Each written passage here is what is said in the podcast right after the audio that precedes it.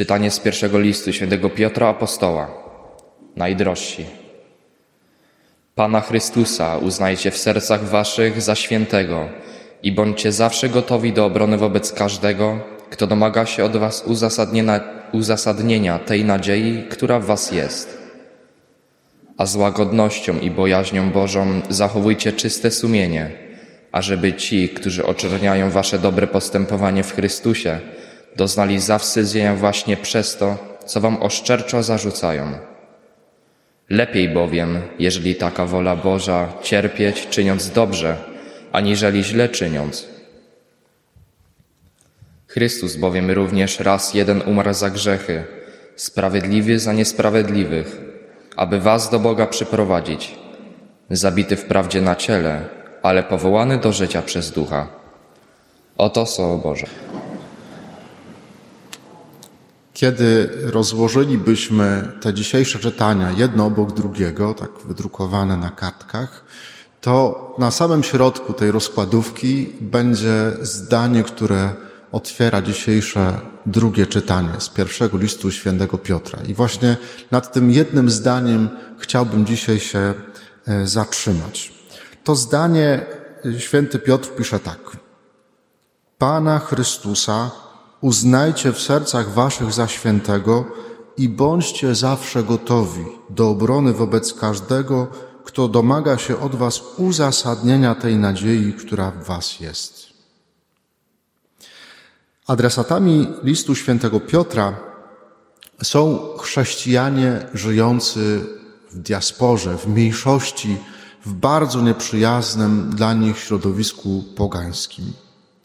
Dla pogan sposób życia chrześcijan y, jest tak radykalnie różny, tak odmienny od codzienności i niezrozumiały, że poganie za wszelką cenę starają się podważyć, podważyć sens życia chrześcijańskiego.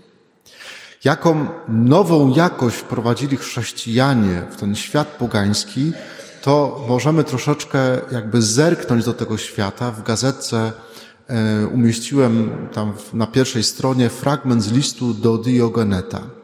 To jest takie starożytne pismo, bardzo, bardzo wczesne, kiedyś przypisywane świętemu Justynowi, ale później się okazało, że jednak on autorem nie jest.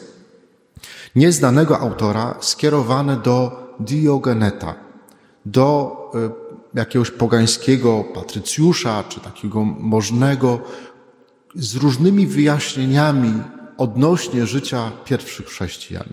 Gorąco Wam polecam lekturę właśnie szczególnie tego fragmentu, e, który jest w naszej gazetce parafialnej. Chrześcijan w tym starożytnym, pogańskim świecie spotykają liczne nieprzyjemności, czy wręcz prześladowania. Muszą bronić swojej wiary, muszą bronić swojego sposobu życia, uzasadniać poganom, dlaczego właściwie żyją tak, jak żyją. Dlatego, że dla ludzi starożytności i dla chrześcijan, i dla e, pogan, tych wywodzących się z różnych tamtejszych kultur, było czymś jasne, że sposób życia, pewna reguła, którą się w naszym życiu, w naszej codzienności kierujemy, ten sposób życia wypływa z przekonań, które mamy w sercu. A wyznawane przekonania mają też odbicie w naszych codziennych decyzjach, naszym sposobie życia. To dla tych ludzi było po prostu jasne. Jeśli więc chrześcijanie wyznawali pewne konkretne, konkretne przekonania, no to z tego się rodził pewien konkretny sposób życia. A ten sposób życia, ponieważ nie podobał się poganom, więc od razu trzeba było pytać, no to dlaczego ty tak żyjesz? Jaka jest racja takiego sposobu życia, jakim żyjesz? E, ale właśnie te okoliczności, te prześladowania, to, to całe to środowisko e, adresatów, do których był kierowany list świętego Piotra, stały się motywacją do nieustannego starania się o to, żeby jasno i precyzyjnie nazywać, wyrażać w to, w co i w jaki sposób wierzymy jako chrześcijanie, żeby rozumowo uzasadniać swoje przekonania. Można powiedzieć, że to jedno zdanie z tego pierwszego listu świętego Piotra stało się takim motorem napędowym do kształtowania się tego wszystkiego, co dzisiaj nazywamy doktryną wiary. Czyli takiego korzenia tego, w co my jako chrześcijanie wierzymy. Ale także było takim motorem napędowym do rozwoju całej nauki o Panu Bogu, czyli teologii. Zachęta świętego Piotra nabiera także nowej aktualności, szczególnie dzisiaj. Bo w tej naszej takiej codziennej, popularnej, można powiedzieć, duchowości, która ma przeróżne oblicza, jednym z głównych haseł, jakie słyszymy na temat wiary, jest stwierdzenie, że tak naprawdę nieważne jest w to, co wierzysz. Ważne, żebyś był dobrym człowiekiem. To jest najważniejsze. Wielu chrześcijan jest o tym tak święcie przekonanych, że wystarczy być dobrym człowiekiem, a nieważne w to, co wierzysz, że każda próba wejścia w dyskusję z tą tezą jest odbierana jako atak na najświętszą świętość. I to jest zdanie, które bardzo często przeja, prze, przewija się także na przykład w czasie rozmów kolędowych. Że proszę księdza, no my wprawdzie nie, nie chodzimy do kościoła, ale staramy się być dobrymi ludźmi. To, to jeszcze nie wystarczy. Dla chrześcijanina to jeszcze nie wystarczy. To nie jest myślenie chrześcijańskie. Chrześcijaństwo nie jest religią dobroludzizmu. Kardynał Sarach w jednej ze swoich książek powiedział jeszcze ostrzej. Powiedział, że chrześcijan opanowała dzisiaj herezja dobroludzizmu, bycia dobrym człowiekiem. Celem naszego życia, celem życia chrześcijanina nie jest tylko bycie dobrym człowiekiem. To jest środek do celu, jakim jest świętość, jakim jest bycie w niebie, jakim jest upodobnienie się do Chrystusa w swoim życiu. To jest nasz cel. Nie bycie dobrym człowiekiem. Jako chrześcijanie mamy bardzo konkretny sposób życia, którego fundamentem jest kazanie na górze i nauczanie Pana Jezusa. Ale ten sposób życia, właśnie dlatego, że nie jest tylko zbiorem nakazów, zakazów, jakichś wskazówek, co powinniśmy robić, a czego unikać, właśnie dlatego ten, ta, ta nasza wiara domaga się logicznego, rozumnego uzasadnienia. Właśnie dlatego chrześcijanie też nie pytali kandydatów do Chrztu Świętego, czy są dobrymi ludźmi. Czy jesteś dobrym człowiekiem? No tak, jestem. Każdy powie, że jest dobrym człowiekiem. No to proszę bardzo, to już się tutaj chrzczę. Nie. Przy chrzcie świętym kandydata do chrztu świętego pytano o trzy rzeczy. Czy wierzysz w Boga Ojca? Czy wierzysz w Jezusa Chrystusa? Czy wierzysz w Ducha Świętego? Dobre życie nie bierze się z celebrowania samych siebie, ze słuchania, jak to dzisiaj się bardzo często mówi, wyłącznie swojego serduszka, z bezkrytycznego ufania swoim emocjom, swoim zdolnościom, talentom. Dlatego, że kiedy tylko się opieramy na tym, kiedy nasze życie to jest jakby wyznacznikiem do tego, co robimy w naszym życiu, to bardzo szybko rozbijamy się o to, że jesteśmy tylko grzesznikami, że nie jesteśmy idealni. I inni wokół nas też są tylko grzesznikami i też nie są idealni. Dobre życie jest owocem żywej i zdrowej wiary w Jezusa Chrystusa który ma moc nas z tych naszych grzechów, z tych naszych słabości wyprowadzić, wybawić. Właśnie to świętujemy w czasie całej Wielkanocy. Że Chrystus jest większy, ma większą moc niż nasze grzechy, niż nasze słabości. Dlatego też Piotr rozpoczyna tę zachętę na którą się pochylamy, od takiego wezwania. Najpierw, zanim będziecie bronić swojej wiary, to najpierw Pana Chrystusa uznajcie w sercach waszych za świętego. To tłumaczenie no nie jest takie zbyt, można powiedzieć, zrozumiałe po polsku. Ale chodzi o to, żeby Pana Jezusa uznać za punkt odniesienia, za kogoś najważniejszego w moim życiu, za mego Pana i Zbawiciela. Bądźcie przygotowani na to, że takie życie, jeżeli uznamy Pana Jezusa za naprawdę najważniejszą osobę w naszym życiu, to musimy być przygotowani na to, że takie życie będzie zawsze rodziło u innych wiele pytań, na które będą szukali odpowiedzi właśnie u nas. Jeśli Pan Jezus będzie w centrum Twojego życia, mojego życia, to ludzie będą pytali, dlaczego tak żyjesz? Uzasadnij to. To jest list, ten list świętego Piotra apostoła, to nie jest list do Stowarzyszenia e, Teologów Katolickich.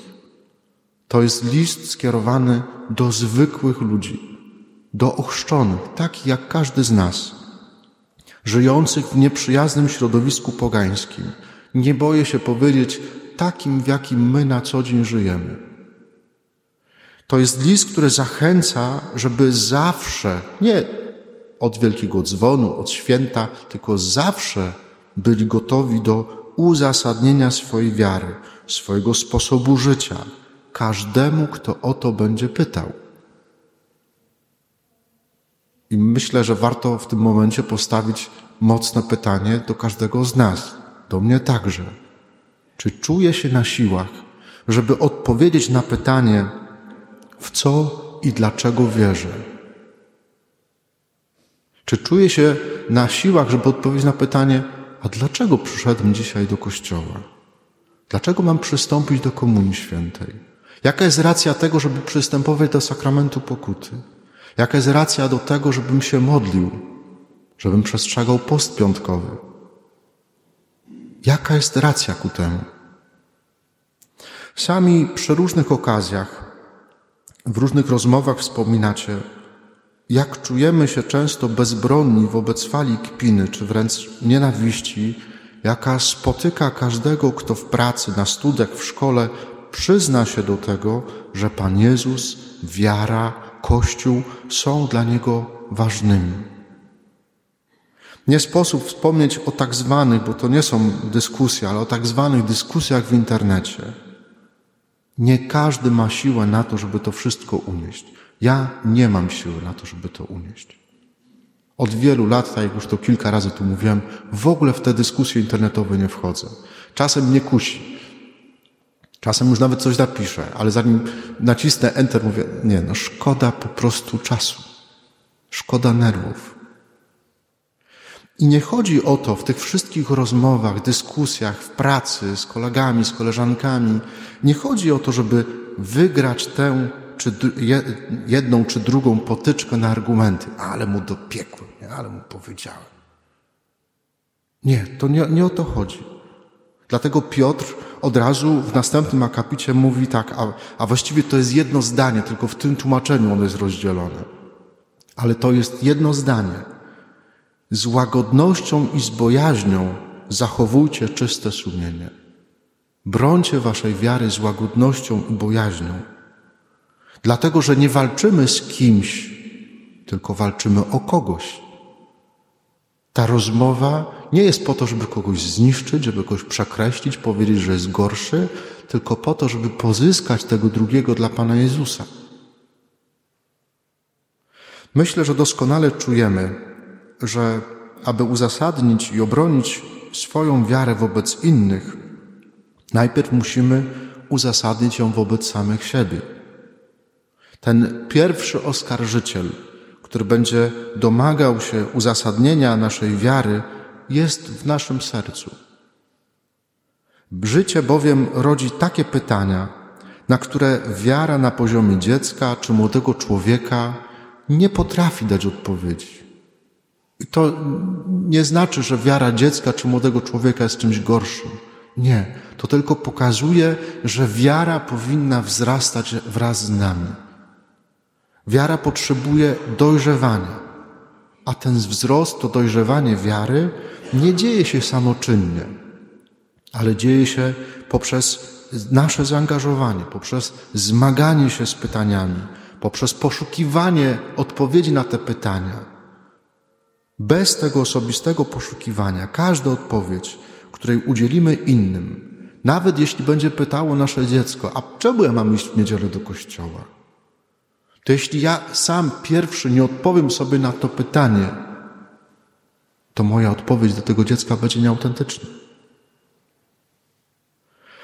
Odczytuję to dzisiejsze słowo jako zaproszenie dla każdego z nas i dla całej naszej wspólnoty parafialnej do bardzo świadomego i konkretnego namysłu nad naszym życiem wiary, do zadawania pytań o naszą wiarę i rzetelnego poszukiwania na nie odpowiedzi, do rozmowy i spierania się ze sobą o to, jak ta wiara ma konkretnie owocować w naszym życiu.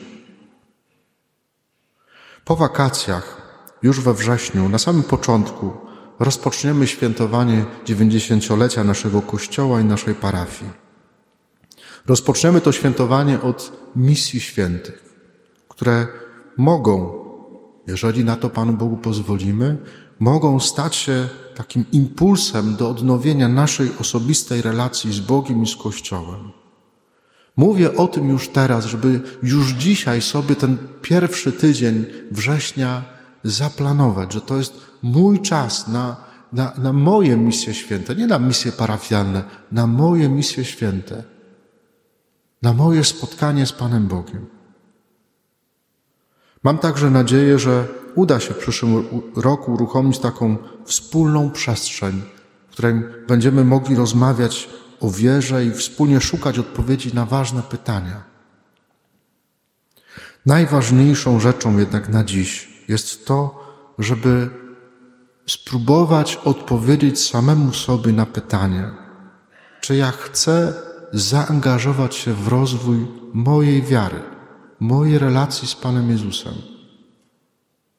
Wezwanie świętego Piotra, jeszcze raz to powiem na sam koniec, jest skierowane nie do wielkich teologów, ale do każdego z nas.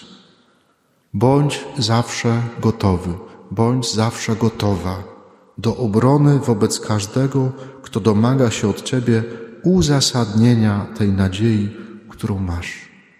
Amen.